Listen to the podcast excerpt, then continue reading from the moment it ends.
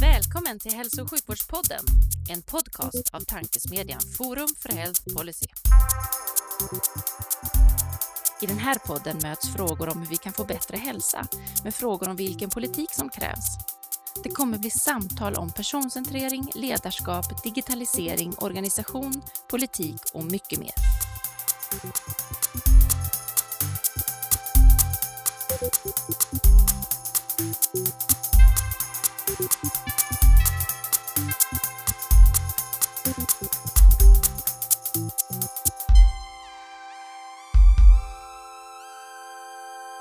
Hej och välkomna till Forum för Health Policys podd. Forum för Health Policy är en oberoende tankesmedja som syftar till att driva på innovation och utveckling i hälso och sjukvården och omsorgen. Jag heter Magnus Lejelöw, jobbar till vardags på LIF och är styrelseledamot i Forum för Health Policy.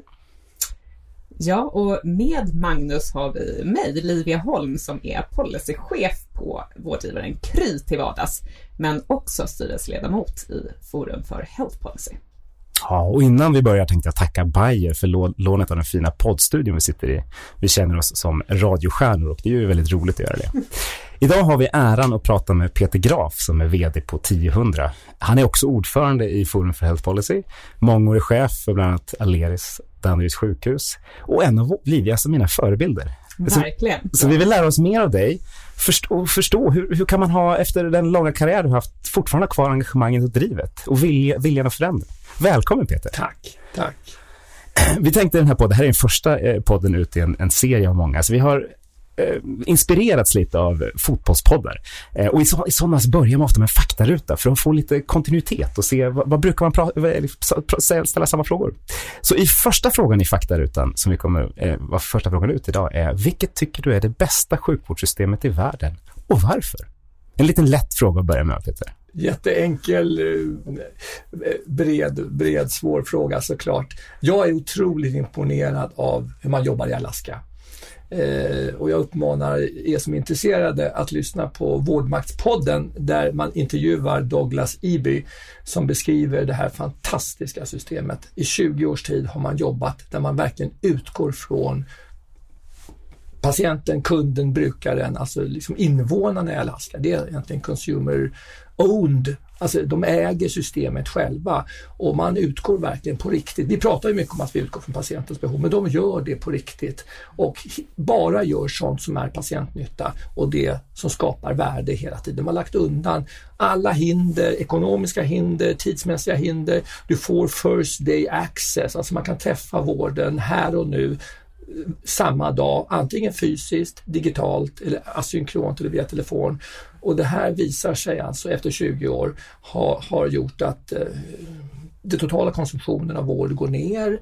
Eh, man är trygg att man får hjälp när man vill som patient. Eh, primärvården blir väldigt, väldigt stark. Där sitter också specialister, hjärtläkare, eh, och så vidare, så vidare i, i primärvården och referrals in till sjukhusen blir färre och färre. Man har kunnat visa att andelen som blir inlagda akut på sjukhusen har minskat med hälften eller någonting sånt.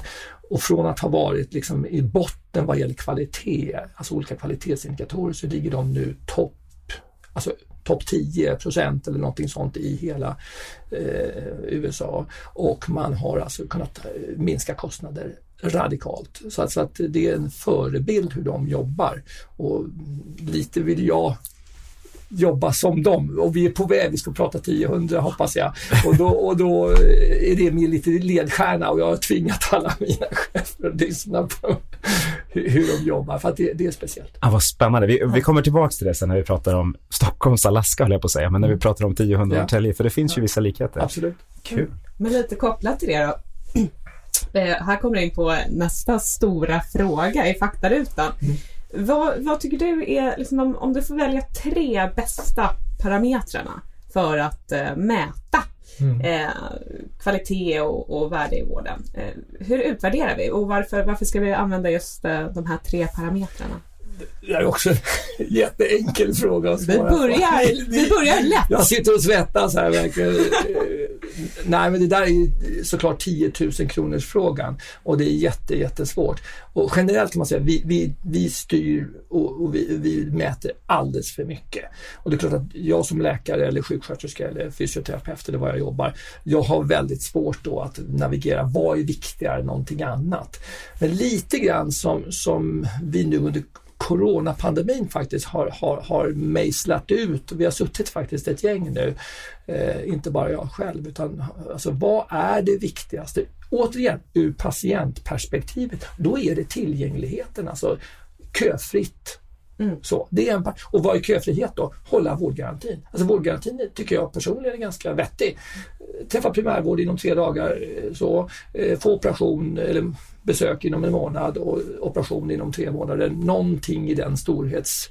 Och man ska kunna få, för det är ju bara att gå till sig själv igen. Och där tycker jag Kry till exempel, eller Doktor24, alla de här digitala tjänsterna. Man kan tycka vad man vill om det, men faktum är att patienterna, nu håller jag upp min telefon här, ni ser inte det, men, men, men de vill kunna komma och på sex minuter ungefär hos er så har man en doktor i telefonen. För det är så vi är. Så Tillgänglighet, köfrihet, det är en viktig parameter. Nummer två, mäta kvalitet.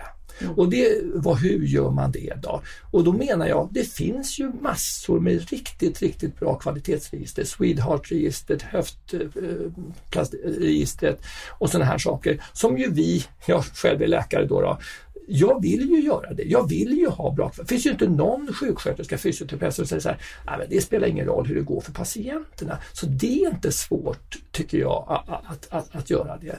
Och sen nummer tre då, eh, om jag får ta tre, så tycker jag, kan vi göra de här två första, hålla god till, tillgänglighet och hög kvalitet med bibehållen kostnadskontroll eller till och med kanske kunna minska våra kostnader. Inte mäta så mycket på intäktssidan tycker jag, utan att hålla kostnader och snarast, vi måste nästan minska kostnaderna, inte minst nu i coronatider där vi ser ju att skatteintäkterna och så vidare, underlaget, jag vill inte höja skatten, det tror jag inte någon av oss vill. Ja, men då måste ju vi faktiskt gö göra smartare och bättre saker och det kan vi hoppas att vi kommer kunna prata om. Det finns massor att göra eh, med teknik, med nya arbetssätt för att få det här, de här tre enigheten då, då att, att, att, falla på plats. Vi gör så mycket dumma grejer och så mycket detaljstyrning som vi suboptimerar, vill jag påstå. Och det ser vi under corona nu. Det går massor med bra grejer. Mm. Det här med att vi gör massa dumma grejer. Man pratar ja. ibland om waste ja. i sjukvårdssystemet. Ja. Upp mot 30 procent ja. brukar man säga ibland. Ja. Är det en bild som du delar? Ja, definitivt. Definitivt. Och, och, och man, alltså, om det är någonting som jag vet att mina kollegor, läkare, sköterskor, jag känner ju så många, de är så frustrerade över istället för att göra rätt grej göra det som är bäst för patienten. För det vill ju vi. Det var därför jag valde att bli läkare en gång i tiden. Man vill ju verkligen göra nytta. Och så blir det styrsystem då, vissa ersättningsmodeller och vissa andra saker som gör att men det där kan du inte göra. Det ingår inte i avtalet, så där får du inte göra. Och, och, och då blir det ju kontraproduktivt. Det finns massa sådana här saker. Vi kunde utveckla dagvård, dagkirurgi mycket, mycket, mycket mera. Mm. Nu hos mig i Norrtälje då, då, så har vi ett mobilteam eh, som vi har börjat jobba med som är fantastiskt. Vi har 20 patienter inskrivna, 18 till 20 patienter idag eh, har vi 18 patienter inskrivna. Och, och de, det är kroniker, det är multisjuka sköra äldre med hjärtsvikt, eh, ni vet KOL, den här typen av multi eh, som, an, som åker fram och tillbaka och läggs in på sjukhus och sitter på akutmottagningen och, och till ingen nytta. Alltså, lite överdrivet, va? man blir också dessutom jättenervös och om man har demens så får man det, det, det är inte bra för de patienterna. Men hur mäter vi nyttan av det? Apropå att utgå från patienten. Ja, vi vet att det är rätt. Det frigör massa vårdplatser. Det är mycket billigare sätt. Det är nära vård. Alla förstår det här. Men vi har inget riktigt bra sätt att skickliggöra, synliggöra nyttan. För vi vet inte hur vi ska mäta effekten. Ja, sådär. Så det finns massor med sådana här saker som vi håller på med. Eh, och som blir tokigt. Och det här ser man och blir frustrerad och jag själv blir frustrerad. Och det var ju lite av tanken med frågan också. Vi, vi, man får ju det man mäter, så ja. vi behöver hitta rätt Ja. rätt saker att mäta och utvärdera Ja. i svensk hälso och Ja. sjukvård. Om vi tar det vidare till fråga nummer tre. Två medskick till de som jobbar med att utveckla svensk hälso och sjukvård.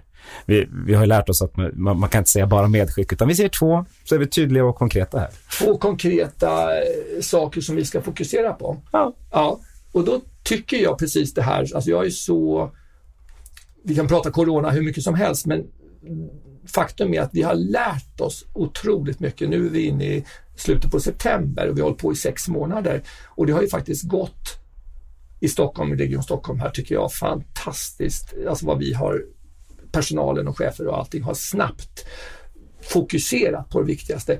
Och, och, och det är, tror jag, just det att vi har varit väldigt, väldigt tydliga. Minska smittspridning, rädda liv, rampa upp vård, alltså öka kapaciteten. Det är, strunta i pengarna, strunta i allting, alltså i princip lite så. Väldigt, väldigt tydligt. Och då har medarbetarna kavlat upp armarna och, och gjort precis det. Så att det var lite grann det jag sa inledningsvis, de här tre köfri, topprankat, kostnadskontroll. Om man gör det så enkelt och sen så säger till de duktiga medarbetarna, lös det här nu, så gör de det. Det är min uppfattning. Gå inte in och detaljstyr. Min favorit, eh, och då blir folk förbannade när jag håller på och liksom tar upp så här. Vi mäter i primärvården, så har vi ett mätetal som är att det ska vara sjuksköterska som svarar i telefon på, primärvård, på vårdcentralen. Och, då, och och det, det är så dumt. va så att, så att, Och vi får avdrag, om, om, för de sti, mäter stickprov, eh, att det verkligen är en sjuk. Varför ska det vara det? När vi vet att 50 procent av eh, telefonsamtalen handlar om hur går man från A till B, var ligger röntgen, var, alltså det kan vem som helst. Och det är ett bra exempel hur tokigt det blir när vi detaljstyr i våra avtal och vi har hur många avtal som helst. Och det är inte ens jag som VD kan hålla rätt på alla dessa tokiga, ur- ursäkta, ni förstår. Nej, Utan Gör det enkelt, gör det så att jag intuitivt fattar vad jag ska göra och det tycker medarbetarna är kul. Det är så, hur ni löser gör det. Och det såg vi i coronan, hur bra det gick. Liksom, så att mer av det. Att möjliggöra för kreativiteten hos medarbetarna. Just det. Möjliggöra nya liksom, Ja. innovation. Om du berättar för en skicklig snickare eller elektriker eller vad som helst. Nu tar du spiken i vänster hand och sen tar du hammaren. Alltså, det är ju provocerande. Eh, Om ni förstår Ja, det. Man säger så här, nu ska vi göra så här, bygg ett hus här, här är ritningen. Och sen sköter ju de det själva. Men vi är inne och faktiskt detaljstyr exakt hur det ska gå till. Och då styr vi fel. Och det kallar för New Public Management eller gör vad vi Så lite mer tillitsbaserad. Jaha, tillit, det är att man abdikerar. Nej, nej, nej, nej, nej, nej. Vi ska följa upp, självklart. Titta hur det går för diabetespatienter, titta hur det går med hjärtinfarkt. Hur funkar det med osteoporospatienter? Jag är jättenoga med det. Vi måste följa upp vad det blir, men gör det mer övergripande, de här stora sakerna. Så tror jag. Ja, det är bra. Eh, ska vi, vill du köra nästa eller? Ja? Absolut. Och nu kommer vi till någonting som inte kanske är eh, förhoppningsvis lika svårt, men det kan nog vara svårt med din långa erfarenhet också. Eh, vi skulle vilja höra om din finaste patientanekdot. Finaste patientanekdot. Jag, jag kan faktiskt, det är massor såklart. Eh, jag blev väldigt berörd av och, och tog verkligen till mig den patienten som vi delade ut pris i Forum för Health Policy. Vi har ju instiftat patientpriset. Och eh, den patienten som, som nominerade de som sen vann, Karlstads eh, gyncancerenhet, som har en fantastisk vård och omsorg för henne. Hon, eh, när hon beskrev, eh, man vart ju rörd, hur hon verkligen var en del av det här teamet när hon eh, upptäcktes ha metastaser, en, en spridd gyncancer. Och den historien, hur, hur där hon var väldigt kritisk först faktiskt och beskrev hur i primärvården hon var bollad runt och ingen tog henne på allvar, ingen lyssnade och det tog alldeles för lång tid innan. Det var inget kul att höra den historien. Eh, eh hon var inte lyssnad på och eh, sen till slut så tog någon en datortomografi av buken och så var det fullt med metastaser och då var hon skickad till den här fantastiska enheten. Och det var härligt att höra hur hon beskriver, hon, hon är verkligen en del av det teamet sa hon. Eh, och hennes familj, anhöriga, de verkligen vinnlade sig om att lära känna hela familjen, helheten. För att när man får en sån diagnos så ramlar ju livet ihop. Mm. Man kan inte jobba, man kan inte bygga om det där huset man ville göra eller åka på den här resan. Plötsligt då, då faller, och hon beskrev det så himla bra, men hur de personalen då mötte upp tvärprofessionellt som en helhet. Eh, så fantastiskt fint och hon sa det, eh, kommer jag ihåg, att eh, jag fick vara delaktig i vården, jag fick bestämma eller tycka och, och, och de lyssnade väl. Och i vissa dagar var hon så deprimerad och ledsen och så sa bestäm åt mig för jag orkar inte idag. Då gjorde de det. Och den här flexibiliteten som ju är så på riktigt, på ett respektfullt, trevligt och fint sätt. Det var en fantastisk historia att höra eh, det vittnesmålet. Så att, eh, det var bra. Bra, och det är så man önskar att alla patienter ska känna efter. Och många gör, många ja. gör, alltså vi har ju faktiskt, vi ska, det här handlar mycket om att lyfta fram förbättringar och sådär såklart. Det mesta i vården är ju fantastiskt. Mm, alltså, de flesta vittnar ju om att personalen är fantastisk och gör det här jätte, jättebra. Så att, eh, men det finns mycket vi kan förbättra. Mm. Men därför vill vi lyfta det också. Ja, absolut. Det var, det var våra första fyra faktafrågor här. Vi tänkte gå vidare till, till gå tillbaka då till 1000 och ja. dig. Vad, vad är din roll idag? Du har nämnt lite, men vill du mm. utveckla lite mm. hur du jobbar? Och... Absolut, och jag är då VD, högst ansvarig då för vårdbolaget 1000, ett offentligt ägt. Det är både Region Stockholm och Norrtälje kommun som, som äger eh, vårdbolaget 1000 och man kan säga det är Norrtälje sjukhus, sex vårdcentraler och eh, psykiatrin och sen har vi också omsorgen med. Så att i samma företag, samma bolag så har vi också eh, tio äldreboenden, vi har hemtjänst, personlig assistans, eh, hemsjukvården, den nära vården om ni så vill eh, och allting i samma. Och det är ju otroligt eh, fantastiskt att få se helheten som jag själv då som har jobbat i sjukvården hela mitt liv och tyckte för sju år sedan när jag kom upp till Norrtälje att nu, nu, jag är ju ganska van och erfaren och inser att det är så mycket jag inte förstår och det är så mycket jag inte riktigt begriper och, och sådär. Så att i mitt mini-Alaska då, om ni vill, eh, så försöker vi verkligen och har kommit en riktigt bra bit att se helhet och göra smarta lösningar. Alltid utgå från patientens behov, alltid, alltid på riktigt göra det. och, och och det gör att, ska vi strunta i medarbetarna? Det är klart vi inte ska. Men som medarbetare, det finns ingenting som är bättre och härligare när man känner att idag har vi slitit som bara den, men patienterna är nöjda, vi gjorde de operationer vi skulle. Eller vad, alltså, det är en stor tillfredsställelse och det ser jag hos oss hela tiden. Och de här fantastiska goda exempel. Så att det, det, det här integrerade kommuner och regioner, det måste vi, det ser vi inte minst under Corona, att det måste vi bli bättre på i hela Sverige. Mm. Absolut. Hur hamnade du i Norrtälje då? Vad, vad, har du gjort innan och eh, vad har du tagit med dig av det för pusselbitar till, till ett jobb som, som lycklig VD? Ja, precis. Ja, nu, är det upp och ner där uppe också. Nej, men jag, har, jag har ju gjort en sån klassisk, eh, jag är ju läkare och renässansspecialist och har jobbat som renässansspecialist och forskat och skrivit avhandling. Jag har haft doktorander och blivit docent och gjort en sån klassisk eh, och det tror jag är väldigt bra och har, jag har liksom händerna och fötterna i myllan så att eh, jag förstår villkoren, jag förstår hur det går jour och var jättetrött mitt i natten och de här sakerna. Det tror jag är bra att ha den forskningen forskningen och läkemedels, ni vet, life science kan man kalla det, har jag ju bred förståelse för i den bakgrund jag har. Och sen har jag jobbat som då, när jag när jag blev chef kan man säga för en liten avdelning på Huddinge sjukhus och sen för en klinik på Huddinge sjukhus på den tiden. Och sen tyckte jag det här var så spännande med ledarskap och ledarskap är fantastiskt eh, viktigt och vi pratar ibland för lite om ledarskapets betydelse. Det är otroligt viktigt att vi får bra chefer och ledare i vården, som på alla bolag för den delen, men vården är eh, inte minst viktig. Så jag tyckte det var så spännande. Och, så att Sen blev jag chef för Astrid Lindgrens barndivisionen hette det då, den sammanslagna på Karolinska 2004 man slog samman Huddinge universitetssjukhus och, och eh, Karolinska Solna till ett och då blev jag ansvarig för ba hela barnverksamheten kan man säga.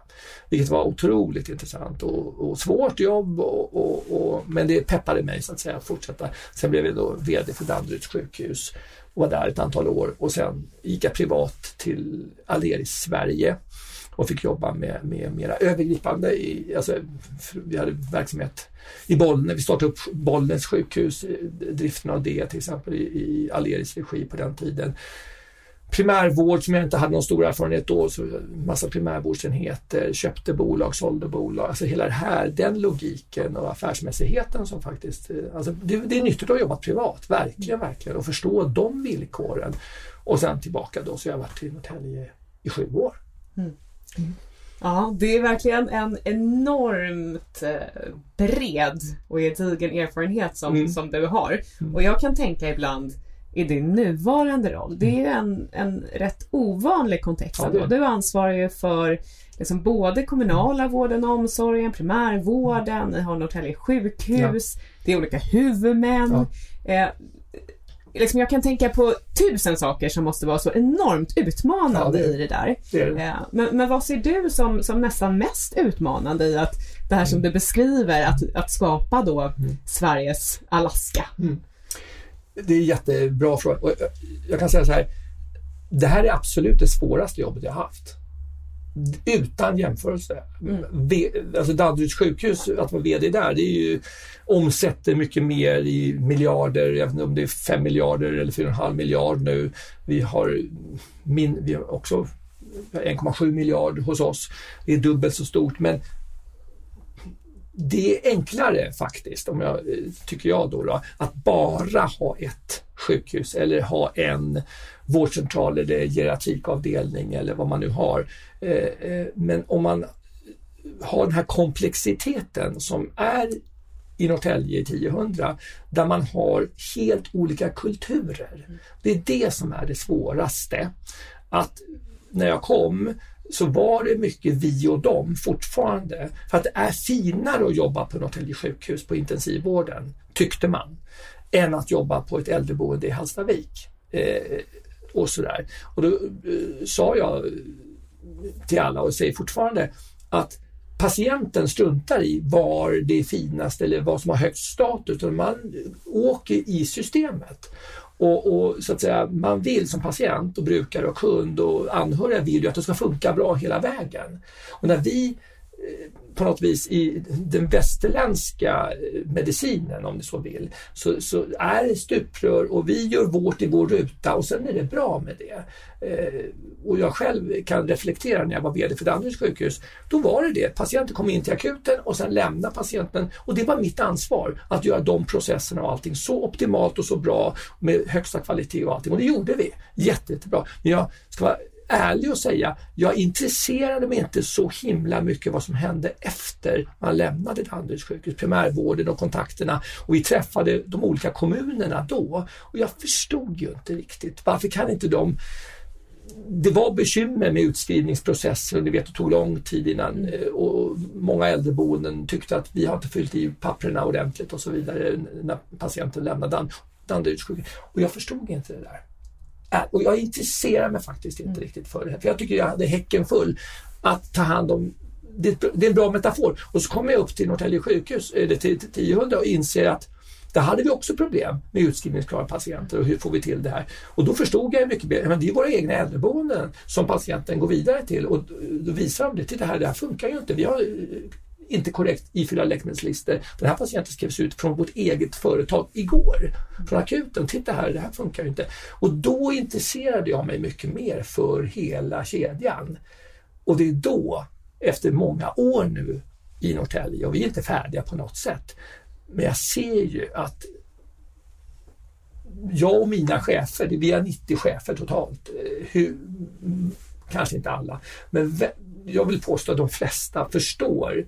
Och jag är envis, alltså jag ger mig inte. Det vet vi. Det, det, det, ska, så jag blir irriterad när jag får Ibland funkar det inte, men jag blir irriterad när vi slarvar, när vi liksom är sloppy med det här och det vet mina medarbetare, de vet det.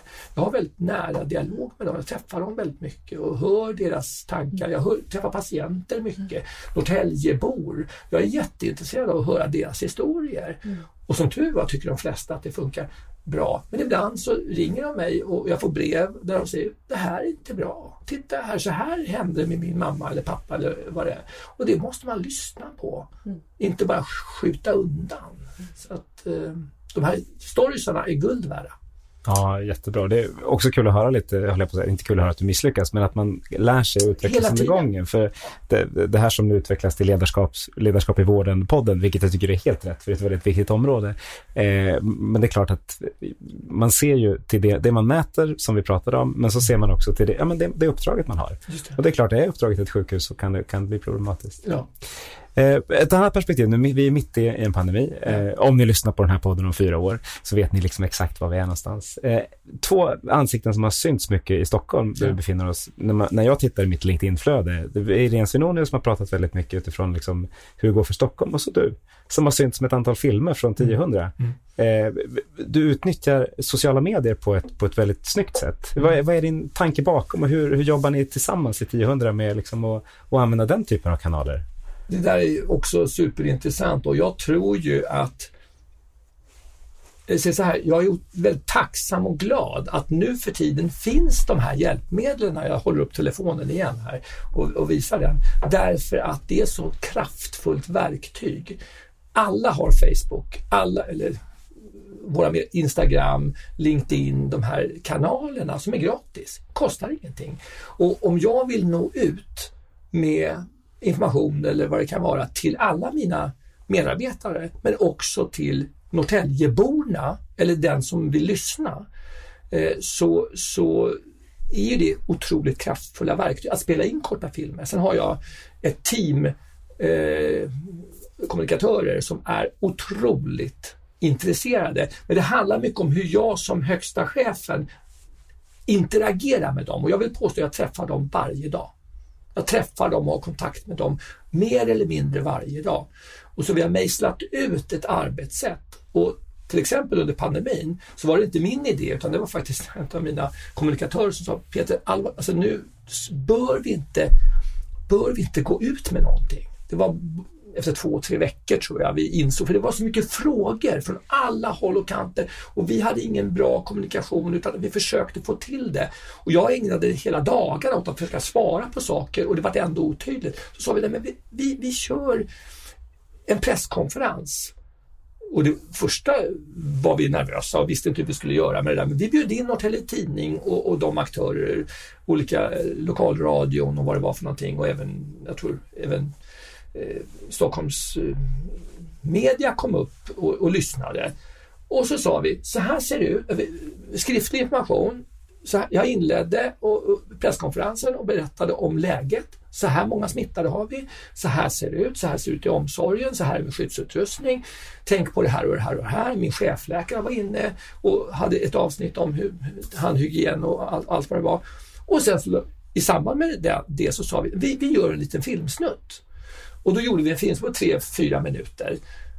Och det där vart så uppskattat. Och jag märkte då att då skrev Norrtelje Tidning också egentligen utifrån de så att vi har varit jättebehjälpta av att ha den tidningen. För de vill ju också informera Norrtäljeborna så att säga om vad som gäller. Besöksförbud och allting vad det var för någonting.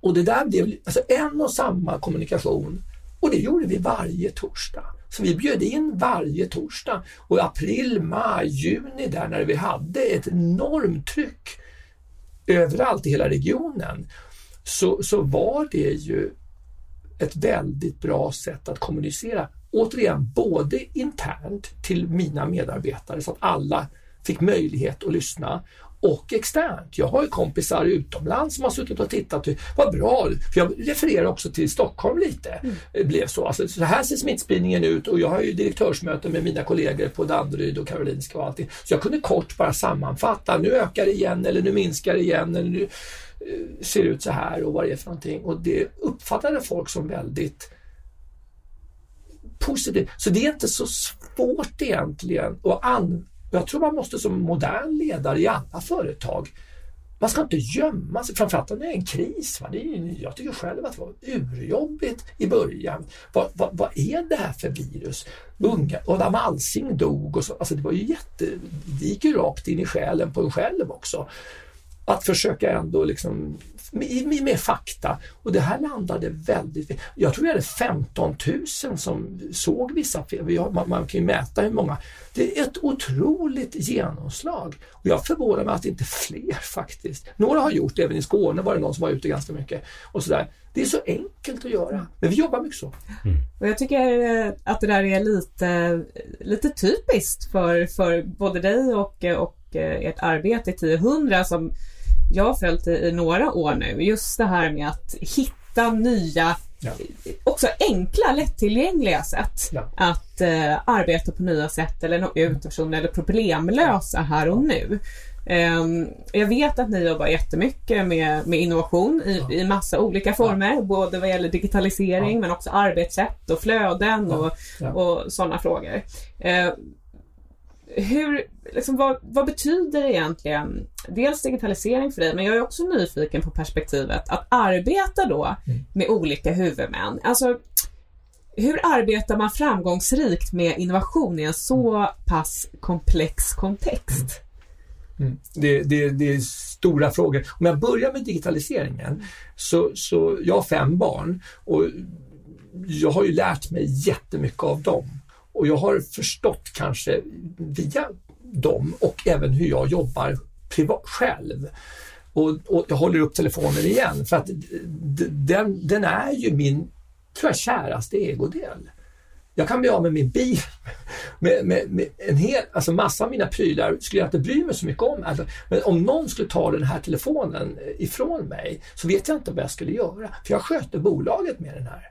Jag kopplar upp, min dator använder jag eh, såklart, men inte alls. Jag gör mer och mer via den här. Jag har en iPad också som jag använder, men, men mindre. Jag använder telefon. Jag tycker de här är jättebra. Och, och, och jag tror ju vi måste ha också patientinterfacet och medarbetarinterfacet med den här, de här digitala som är så kraftfulla.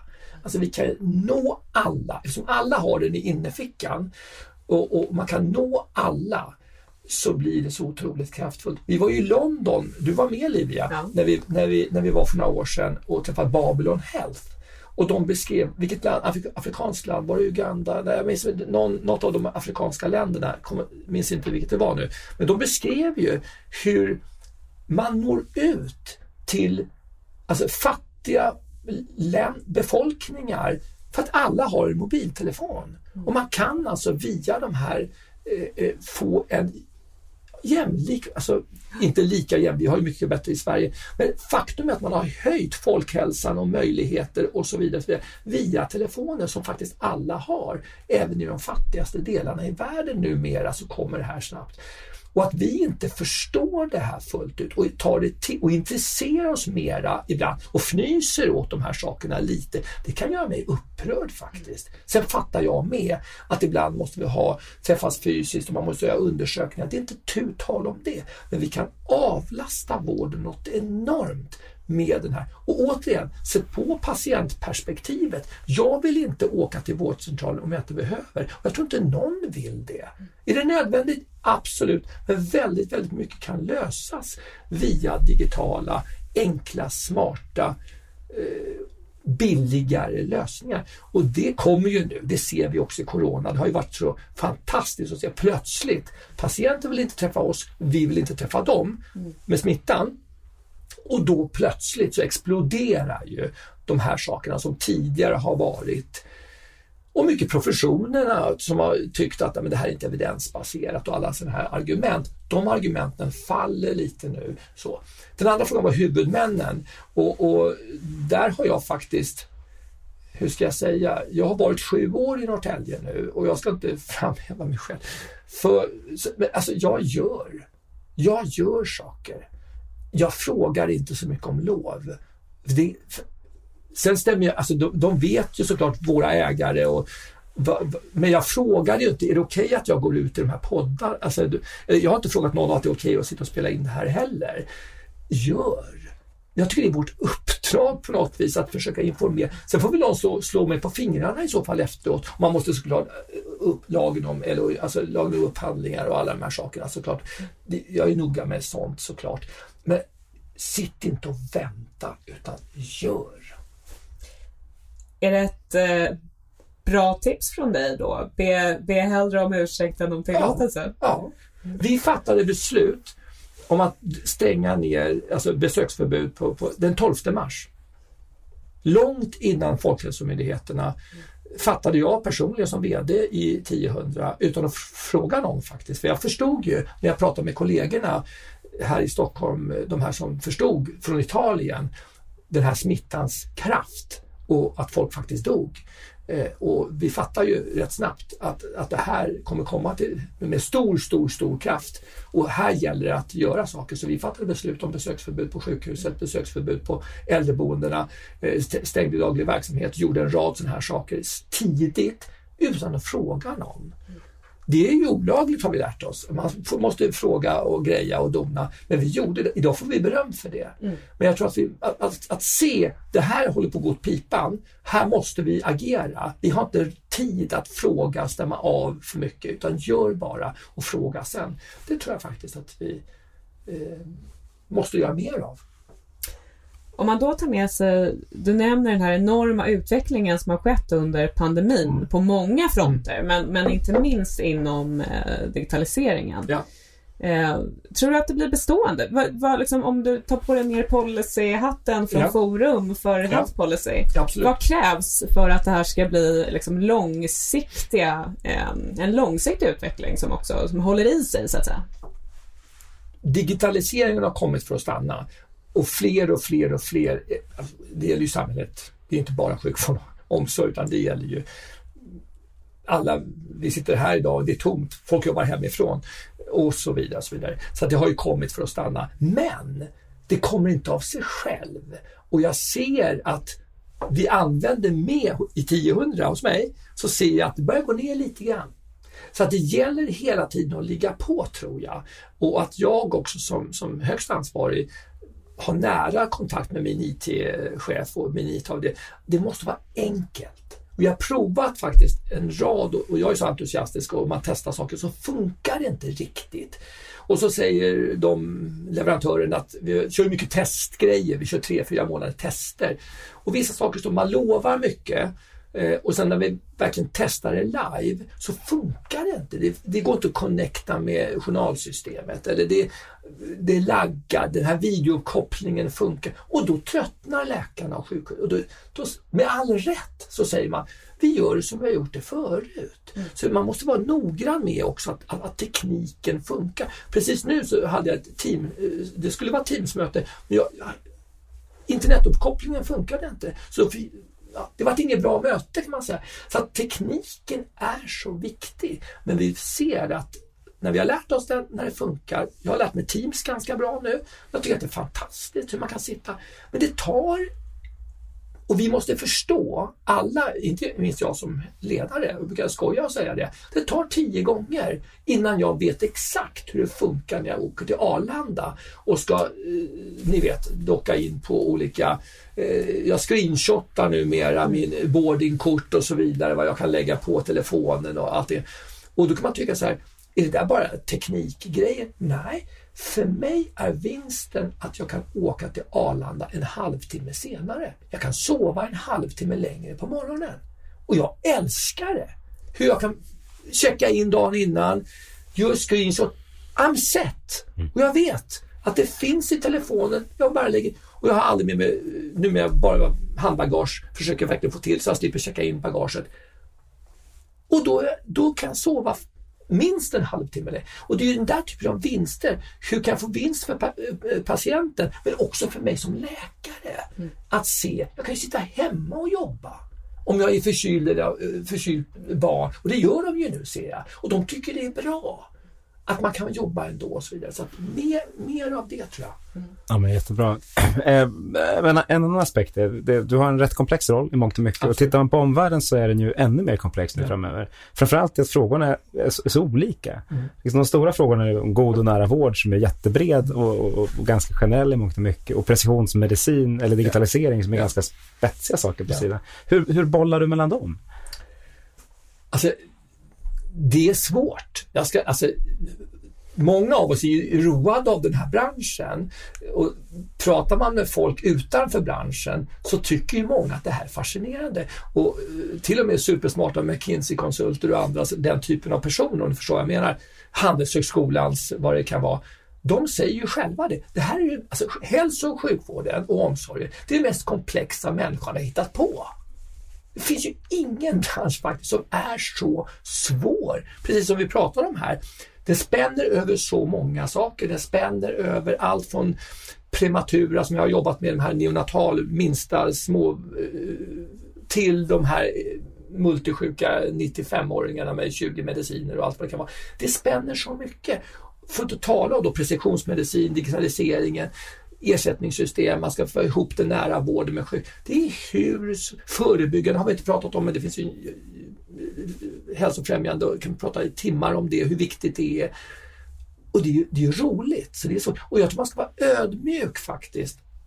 Att, att jag kan en del och har varit med länge, men att det är mycket vi inte kan.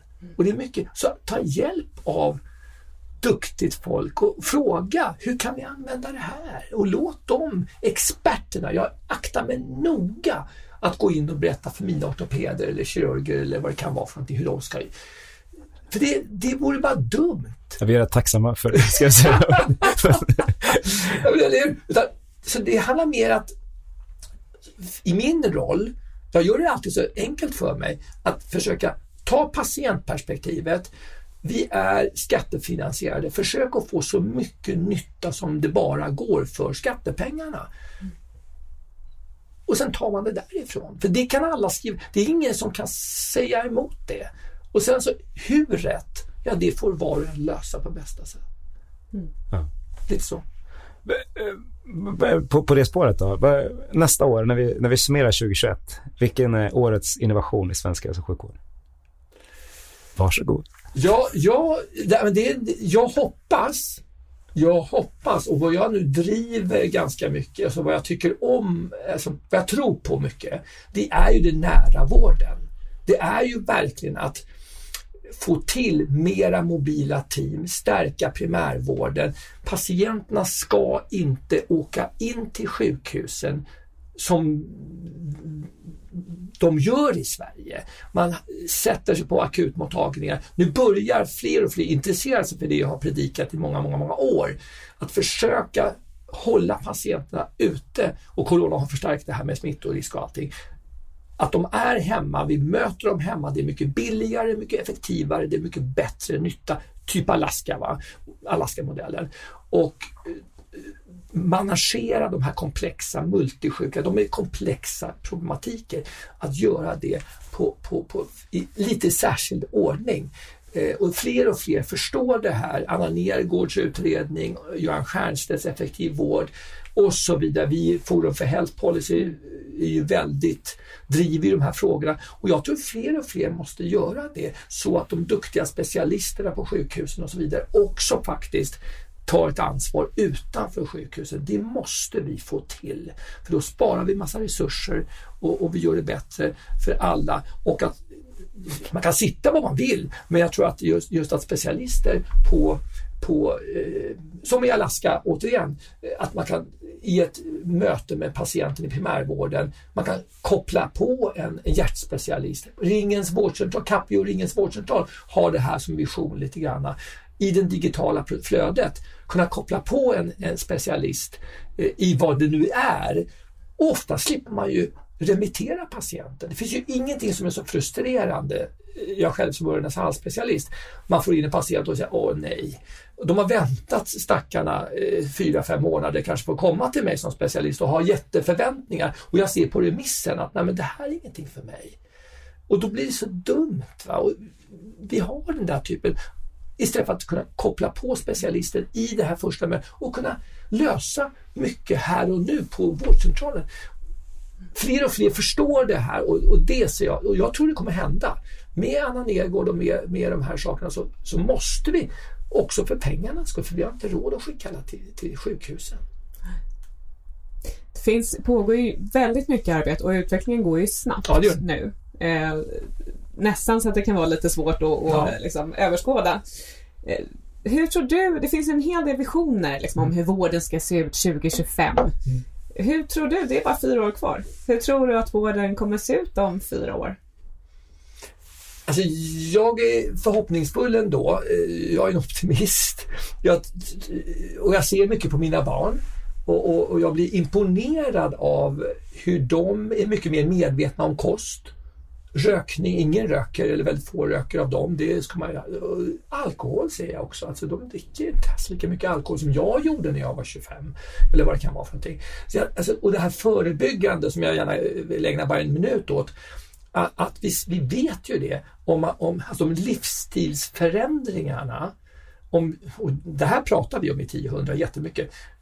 Om du följer våra hälsotips som är evidensbaserade, eh, inte röka, dricka måttligt med alkohol, eh, hålla en sund vikt, eh, eh, och bra kost och, och motionera. Alltså, och då handlar det inte om springa maraton utan gå promenader, raska promenader. Anders Hansens, eh, som jag tycker är fantastisk folk, folkbildare. Håller man de där tipsen, som inte är raketforskning, då lever män 14 år längre och kvinnor 12 år. Eller, alltså det, det, det rör sig om den typen av eh, storheter. Och man, alltså, dels så mår du ju bättre och du, och du måste själv göra det jobbet. Men du avlastar ju vården.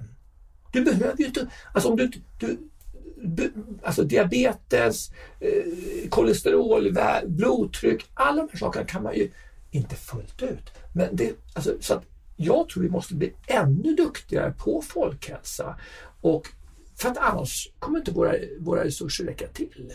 Så det är i kombination med att vi blir ännu duktigare på precisionsmedicin som vi har pratat om. Man kan faktiskt bota blödarsjuka snart, tror jag.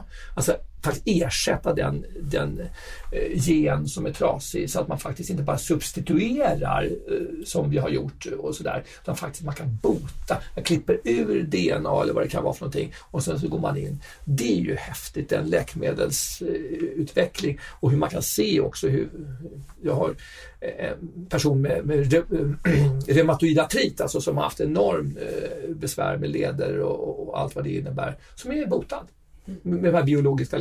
Så det, det tillsammans kommer att göra att folkhälsan ökar och jag som individ återigen kommer må mycket bättre, kunna jobba bättre och så vidare. Och vi avlastar sjuk, sjukvården.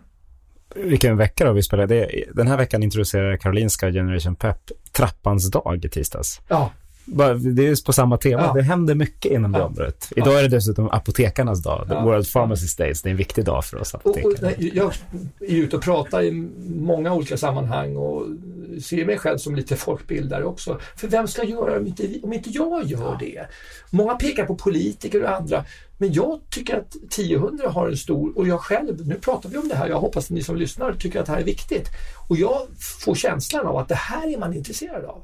Alltså när man pratar om de här ganska enkla grejerna som en, alltså livsstilsförändringar är, hur ska jag dricka lite mindre? Ska jag, alltså, eller vad det kan vara. Hur, äta lite hälsosammare. Man mår ju bättre.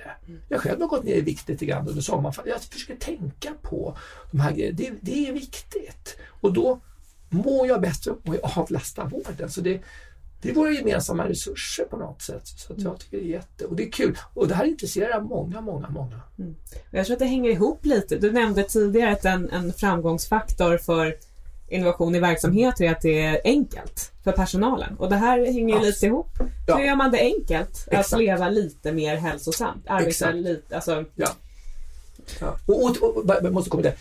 Precis, och, och det är till och med så att vissa säger så här, aha, ni ska in och peka med pe pekfingrarna och sådär. Och det handlar ju inte om det. Och, och det har vi också lagt ner kommunikationsmässigt.